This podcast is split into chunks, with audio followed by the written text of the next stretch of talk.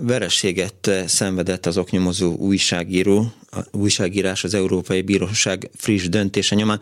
A vonal túlsó végén itt van velünk Sarkad Nagy Márton, az átlátszó munkatársa, aki egy cikket írt erről. Jó reggelt kívánok, szervusz!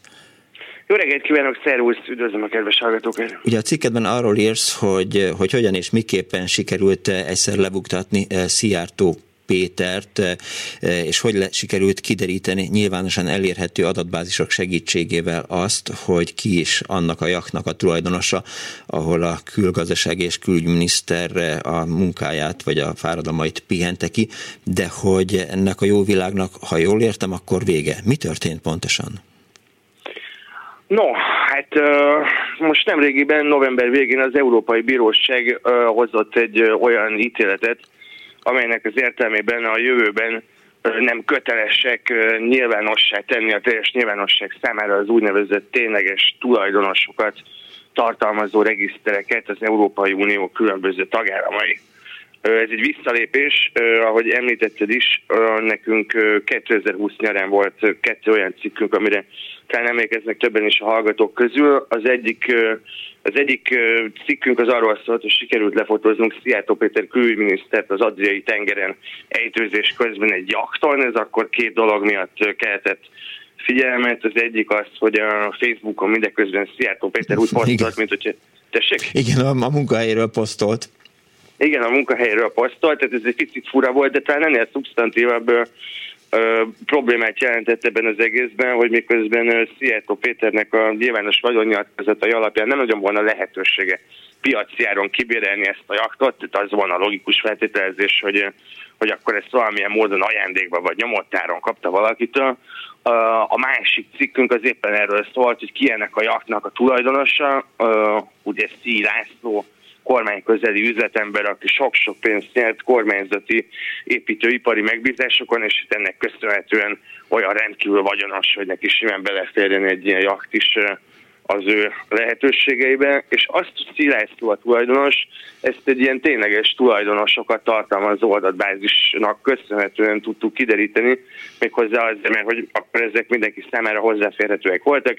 Ez egy máltai zászló alatt hajózó jakt volt, egy máltai cég volt a hivatalos tulajdonos, de a máltai tényleges tulajdonosokat tartalmazó adatbázisban feketén-fehéren ott, ott szerepelt, hogy ennek a ennek a cégnek, ezzel a hajónak is a tulajdonosa ténylegesen Szilászló. Ez a ez az adatbázis ebben a formában, ahogy akkor elérhető volt, mert nem érhető el nyilvánosan az interneten. Mi értelme van, vagy mi az oka ennek az Európai Bíróság döntésnek? Mi előzte ezt meg? Valaki a bírósághoz fordult, hogy jó napot kívánok, hát nehogy boldog-boldog talán tudja már, hogy, hogy enyém az ajat, amin a Szijjártó tejtőzik. Ez nagyjából így is történt, ha jól, jól tudom, akkor Luxemburg illetve a luxemburgi cégregiszter fordult az Európai Bírósághoz azzal, hogy, hogy itt túlzott, túlzottan sérülnek a, a náluk nagyon sok pénzt tartó embereknek a különböző emberi jogai azáltal, hogy ezek az adatok csak úgy megismerhetőek az interneten. Ez érthető is, hogy Luxemburgban ez miért, hogy is mondja, miért, miért különös jelentősége ennek a korábbi rendelkezésnek Luxemburgban, hiszen az OCCRP nevű szervezet bűnözéssel és korrupcióval foglalkozó nemzetközi oknyomozó újságíró együttműködés, aminek az átlátszó és a tagszervezete az egy pár éve, éppen akkor, amikor Luxemburgban is nyilvános lett ez a tényleges tulajdonosokat tartalmazó regiszter, sok-sok cikket írt arról, hogy milyen kétes pénzmozgások történnek Luxemburgban, éppen így a, tényleges tulajdonosokat tartalmazó regiszter alapján. A, azért a, a konszenzus a nemzetközi újságíró társadalomban, és feltételezem azon kívül is, hogy ez a, ez a bírósági ítélet, ez, ez alapvetően félrement. Tehát, hogy félreértelmezése történt az emberi jogoknak.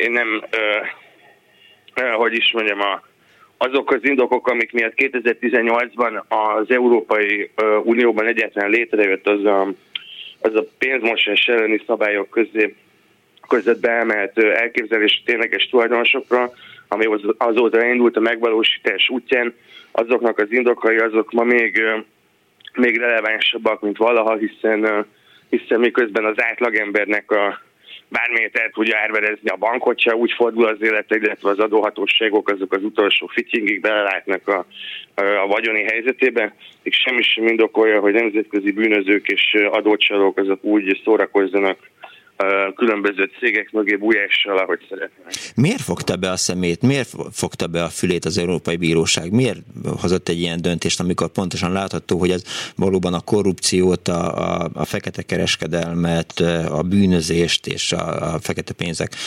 mozgatását akadályozza? Ez egy bírósági ítélet. Én feltételezem, hogy a jogi érveket meggyőzőnek találták felteszem, nem látták át azt, hogy itt valóban miről van szó. Uh-huh.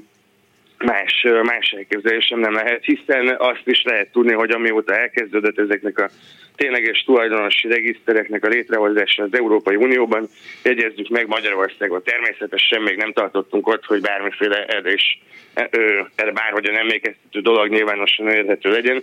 Mindenesetre amióta ezek elkezdett létrejönni, úgy lehet tudni, hogy hogy az ilyen ügyekben illetékes hatóságok is szívesebben használták ezeket az internetes mindenki szemére hozzáférhető dolgokat, mint a hivatalos úton történő információbeszerzést, mert egészen egyszerűen ez egy nagyon egyszerű és nagyon praktikus módszer volt. Mindenkinek megkönnyítette az életét, aki, uh, aki valamelyest a tisztesség meg a közérdekében próbál dolgozni, ezzel szemben a bűnözőknek és az adócsalóknak meg megnehezítette az életét. Van olyan fórum, ahol megtámadható ez a bírósági döntés?